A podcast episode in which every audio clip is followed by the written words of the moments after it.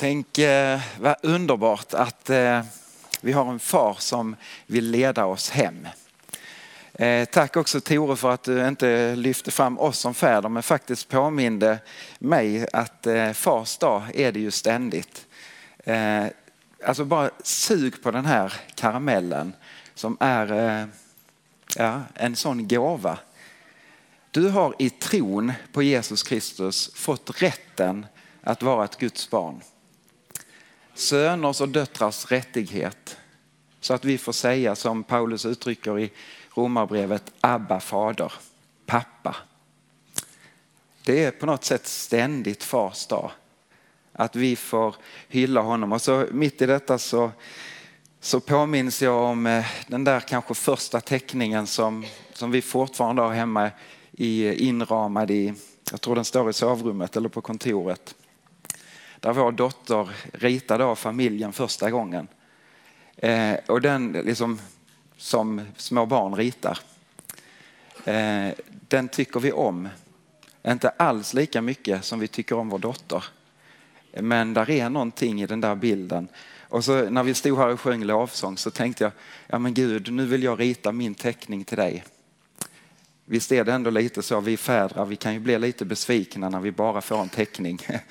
Eh, eller är det kanske precis tvärtom? Det kanske berör mycket mer än slipsen. En teckning från ens barn.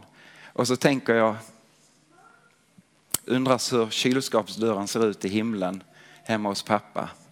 Så många teckningar där hänger.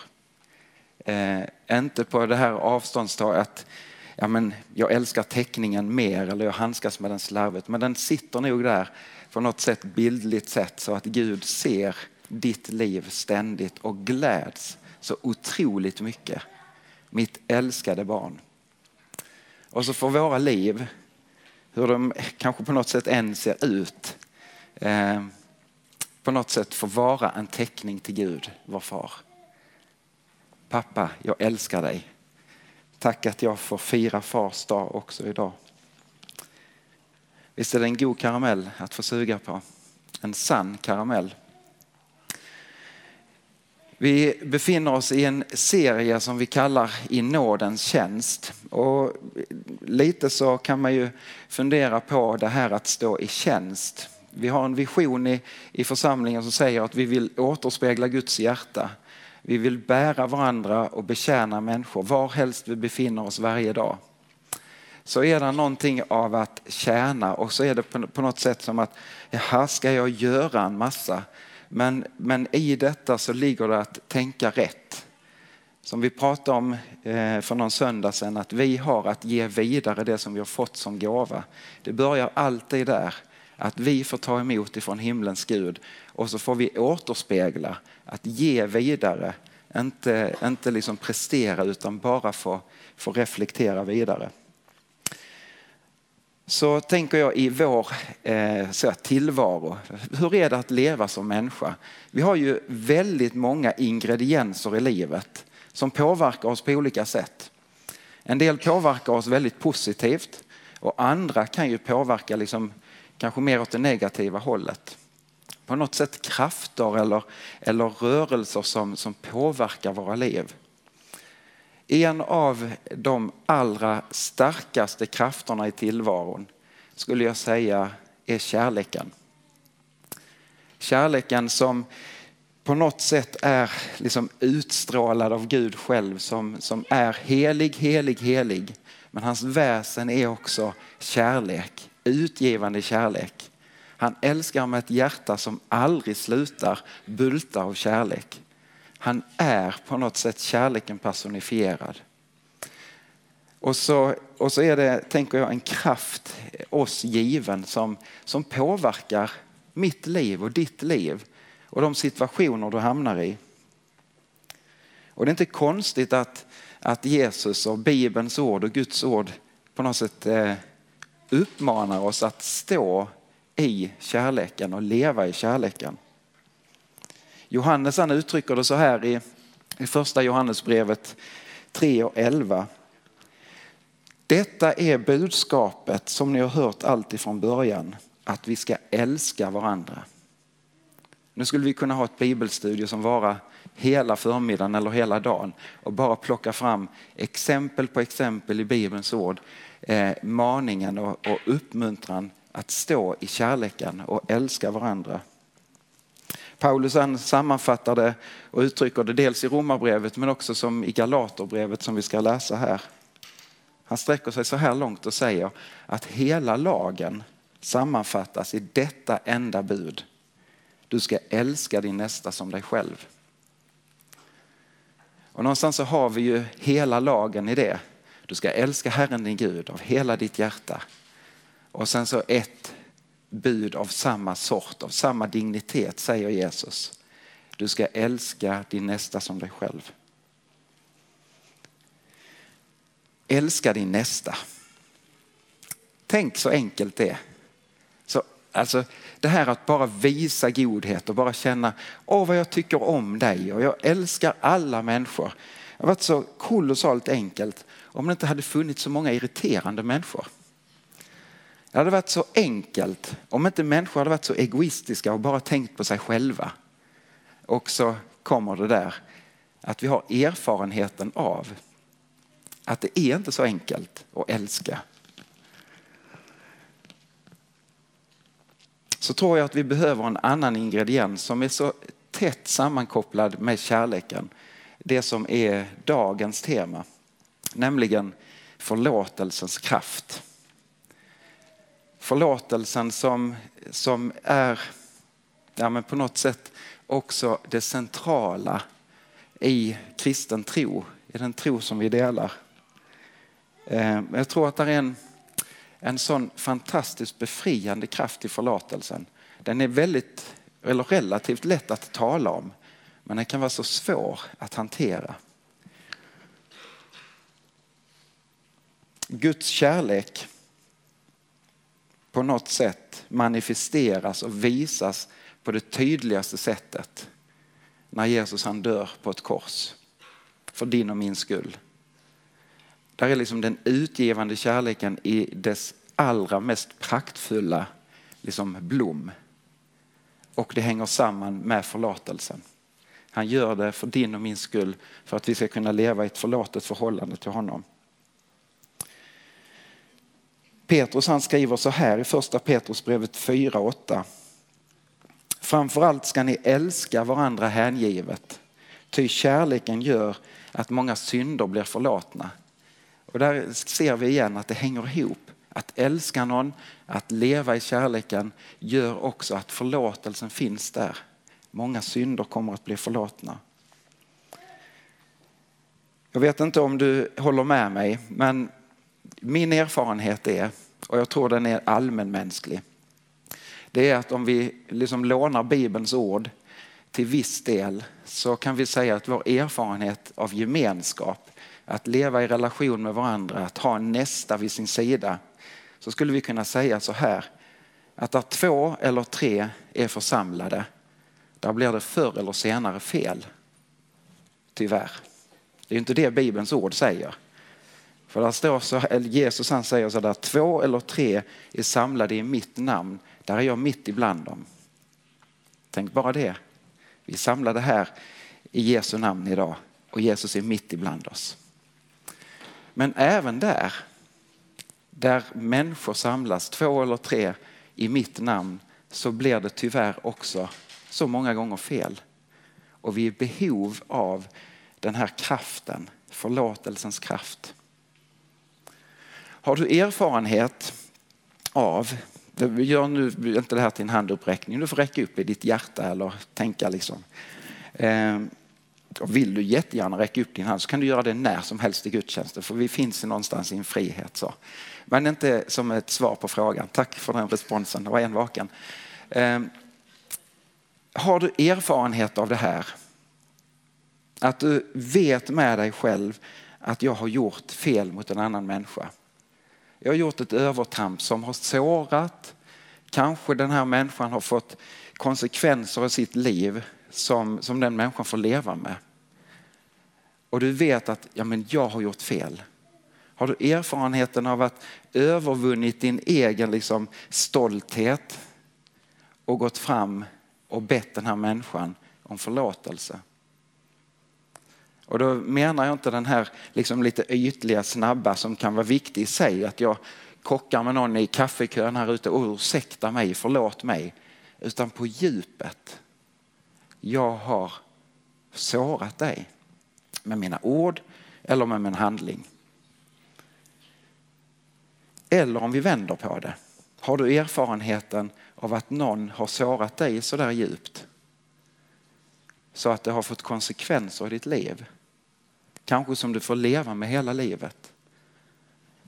Yttre skada eller en inre skada, vad den må vara. Så, så om du har erfarenheten att av någon som ändå har kommit och bett dig om förlåtelse.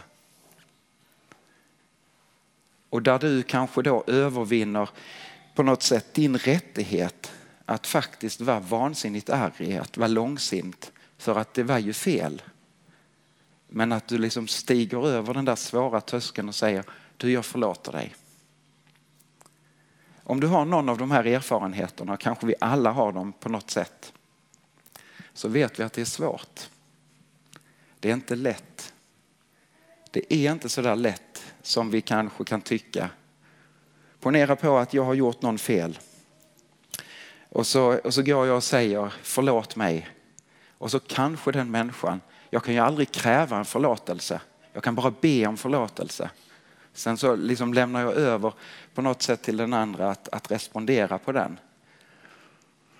Och även om den människan då liksom övervinner sin svårighet och säger du, jag förlåter dig. Så är det lätt att jag liksom, ja, då var det inget problem längre. Men den här människan kanske får brottas jättemycket med att liksom leva i förlåtelsen och viljan även om den är uttalad.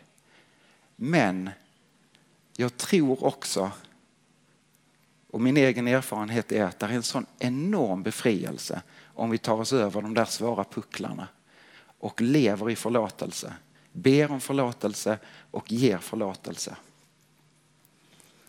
Man kan bli rörd när man hör av människor som, som har varit med om mycket värre saker än vad jag kommer att vara samlat i hela mitt liv. Eh, som ändå ger uttryck för just den här befrielsen i förlåtelsen. kommer att tänka på Sina Holmberg som har varit här och talat eh, vid något tillfälle. Eh, hon har varit och talat på många av konfaläger som jag har varit på. En överlevare. Sina Holmberg från Röketrakten. En gammal, liten, på något sätt till det yttre kanske en oansenlig kvinna men som är en hjälte. Hon var en överlevare från Auschwitz under andra världskriget. Hon är en hjälte på många sätt men i mina ögon är hon en hjälte för att hon, hon gav uttryck för att även om hon aldrig fick möta kanske de som var bödlar för hennes syskon, som dödade hennes familj, som gjorde extrema övergrepp på henne och, och det, det, är något rörande att minnas tillbaka när, när hon har delat sin livsberättelse och där sitter en gråtande konfirmand och bara frågar, hur kan du leva med detta? Och så ler hon. Så jag har förlåtit. Jag har försonats med det som inte var rätt. Och det har på något sätt befriat mitt liv. Det är en befriande kraft i förlåtelsen.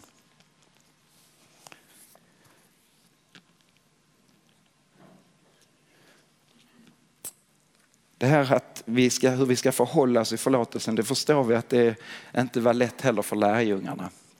Petrus han, han kommer till tals med Jesus vid ett tillfälle och, och ställer honom frågan. Vi kan läsa ifrån Matteus 18 och 21. Då kom Petrus fram till Jesus och sa Herre, hur många gånger ska min broder kunna göra orätt mot mig och ändå få förlåtelse av mig? Så mycket som sju gånger. Jesus svarar, jag säger dig, inte sju gånger utan 77 gånger. Eller som det står i den gamla tidigare översättningen, 77 gånger sju gånger. Här får man också någonstans förstå talmystiken i det här. Sju som står, talet sju som står för helheten. Och, och, Petrus när han kommer till Jesus med frågan, hur många gånger ska den människan kunna göra orätt mot mig och jag ändå ska förlåta? Och så tar Petrus ifrån av allt vad han kan. Så många gånger som sju gånger. För ni vet hur vi lätt är som människor. Gör någon orätt så är till och med öga för öga och tand för tand en lagom begränsning. Vi har i vår kötsliga natur, jag ska ge igen fast mycket, mycket värre. Sju gånger värre ska det bli för den som har gjort orätt. Och så vänder liksom Petrus, ska jag, ska jag förlåta sju gånger? Och så bara möter Jesus, nej inte sju gånger, 77 gånger. Hela tiden, lev i förlåtelse. Och så svarar Jesus faktiskt med det som är en konsekvens in i Petrus liv. Hur han är älskad, hur han är förlåten av Gud. Och låt det vara ett exempel för hur du också sen lever i förlåtelse till din nästa. Vi utgår ju så lätt ifrån, och det kanske är därför vi många gånger har svårt att förstå Guds förlåtelse som är total. För att vi kopplar ihop den och försöker förstå den utifrån våra erfarenheter. Jag ska förlåta den men jag ska aldrig glömma. Eller vi får leva med det. Liksom på något sätt även om jag har uttalat förlåtelseorden. Och så kanske vi har svårt att ta till oss Guds förlåtelse. Hur kan han glömma? Hur kan, kan jag verkligen vara förlåten?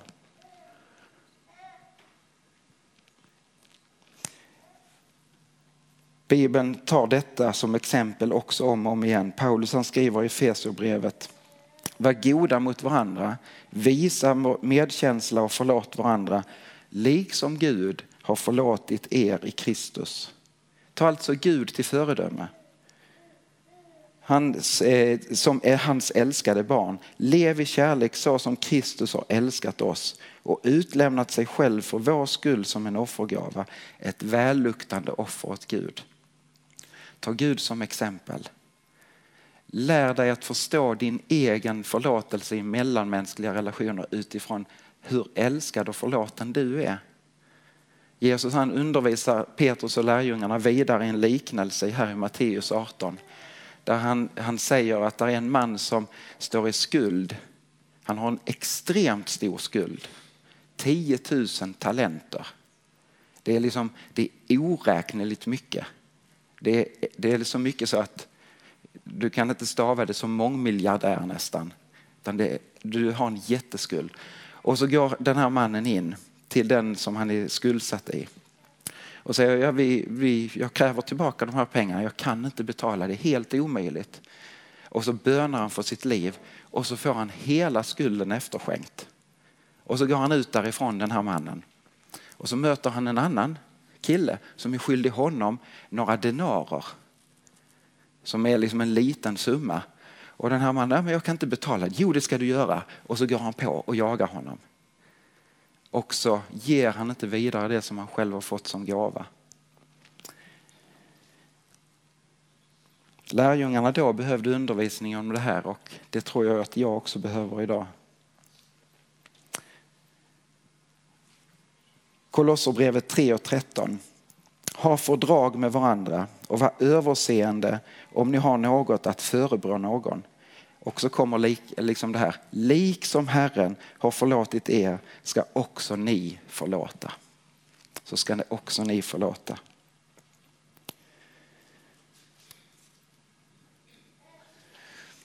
Hur förlåter Gud? Eh, den den är återigen viktig att förstå, inte utifrån min erfarenhet utan gå på Guds ord och, och lita på det som, som Guds ordet säger. Gud förlåter så totalt, så genomgripande så att, så att vi faktiskt kan tala om det som att han kastar din bekännelse i glömskans hav. Och det där glömskans hav, jag tänker, men ja men Gud kan jag verkligen vara förlåten? Och så går jag tillbaka till glömskans hav och kastar i mitt metspö Jag liksom försöker fiska upp det som redan är förlåtet och komma med det igen till Gud. Ja men Gud, är jag verkligen förlåten? Hur, hur står det till med det här? Och bildligt sett så tänker jag, Gud står där, vad, vadå? Där står vid glömskans hav stora skyltar, fiske förbjudet. Och ändå så är vi där så lätt och tjuvfiskar och drar upp och drar upp. Av någon anledning, jag vet inte varför. Så är det i alla fall i mitt liv. Men Gud förlåter. Han lyfter av skuld och han liksom reser oss ifrån skammen som, som ofta är förknippat med det som blir fel. I första Johannesbrevet så skriver Johannes så här. Om vi bekänner våra synder så är han trofast och rättfärdig. Han förlåter oss synderna och renar oss från all orättfärdighet. Och han förlåter på ett riktigt sätt. läste lite grann av, av eh, Karl Olof Rosenius, en, en god tänkare, en god teolog. Och han, han skrev så här att Kristusriket eller Gudsriket, himmelriket, det är ett förlåtelserike. Vi lever och rör oss i förlåtelsen och vi är också satta att leva i den liksom, relationen med varandra. Även om det kan vara svårt, även om det kan kosta på. Men vila alltid i detta, hur ditt liv är i förhållande till Gud. Du som har fått efterskänkt så mycket mer än vad en människa kan stå i skuld till dig kanske. Du har fått allt efterskänkt. Allt. Allt som, som jag har tänkt, som, som jag har sagt, som jag har gjort.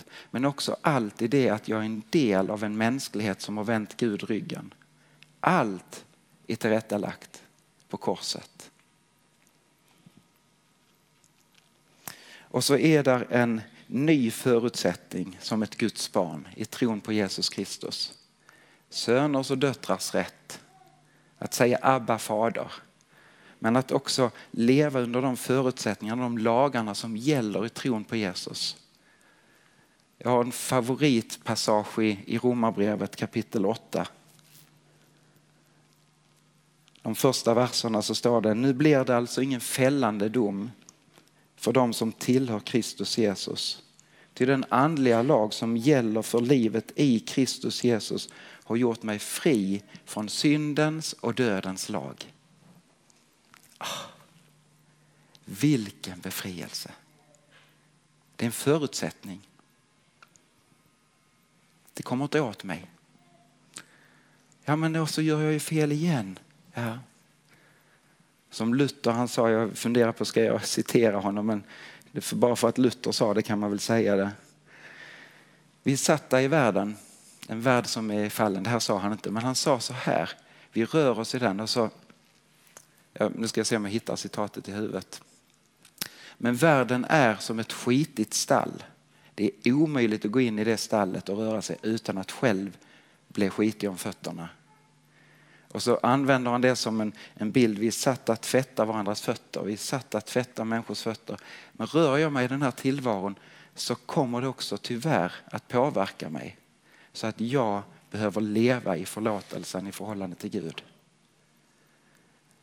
Trots det så gäller den här andliga lagen. Du är fri. Det kommer inte åt dig. Du är befriad i tron på Jesus. Nu lånar jag återigen Paulus ord, Guds eget ord. Romarbrevet 8.31. Vad innebär nu detta? Vad innebär detta för dig och mig? Om Gud är för oss, vem kan då vara emot oss? Han som inte skonar sin egen son utan utlämnar honom för att hjälpa oss alla. Varför ska han inte skänka oss allt med honom? Vem kan anklaga Guds utvalda? Vem kan anklaga dig? Vem kan göra det?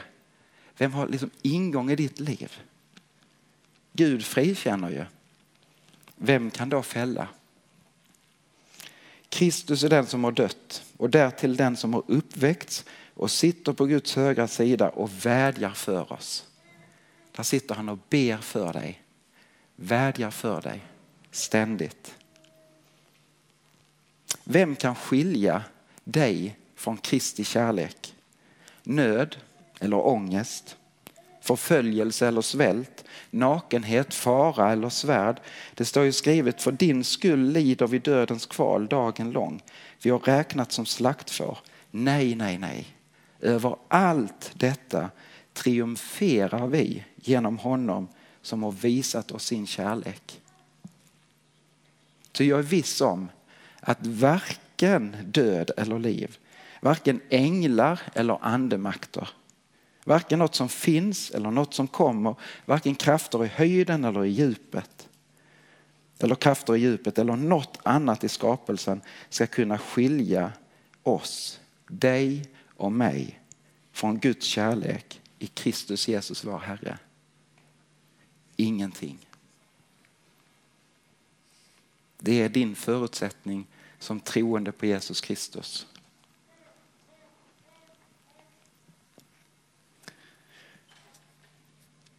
Vi har behov av att ständigt leva i förlåtelsen och ett ständigt behov att leva i den dagliga omvändelsen. Vi behöver stämma in i syndabekännelsen. Men vi gör det utifrån de här förutsättningarna. Och därför så kan vi, kanske med, med extremt stor sorg i hjärtat, med liksom nöd för våra egna liv. Varför, varför är det inte mer bevänt med mig? Men där får jag ställa mig och säga Gud, förlåt mig. Också med säkerhet kan du få ta emot Guds förlåtelse som är förankrad en gång för alla på korset. Men på något sätt som ges ständigt i mötet med honom. Så vill du tillsammans med mig stå upp och be en gemensam syndabekännelse så skulle jag vara väldigt, väldigt ärad i det. Låt oss stå och be tillsammans.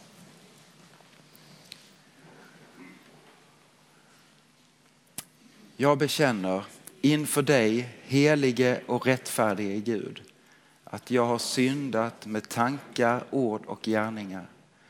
Jag har inte älskat dig över allting, inte min nästa så som mig själv.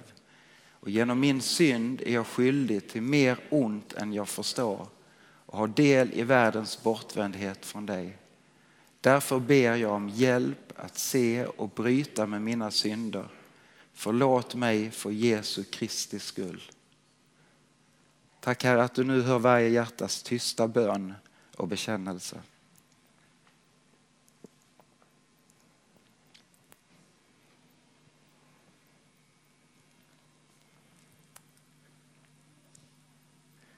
Till dig som ber om syndernas förlåtelse säger jag på Jesu Kristi uppdrag. Du är förlåten och du är fri i Faderns, Sonens och den helige Andes namn. Amen. Låt oss tacka och be. Tack Jesus att, att vi får röra oss i din förlåtelse. Plantera den i våra hjärtan Herre så att vi får leva i den och också leva utan. Hjälp oss Herre att sträcka förlåtelsen vidare till vår nästa. Till de situationer som, som vi har varit med och bidragit och sårat i. Eller där jag själv är sårad. Ge oss modet och kraften att leva i den rörelsen. I Jesu namn. Amen.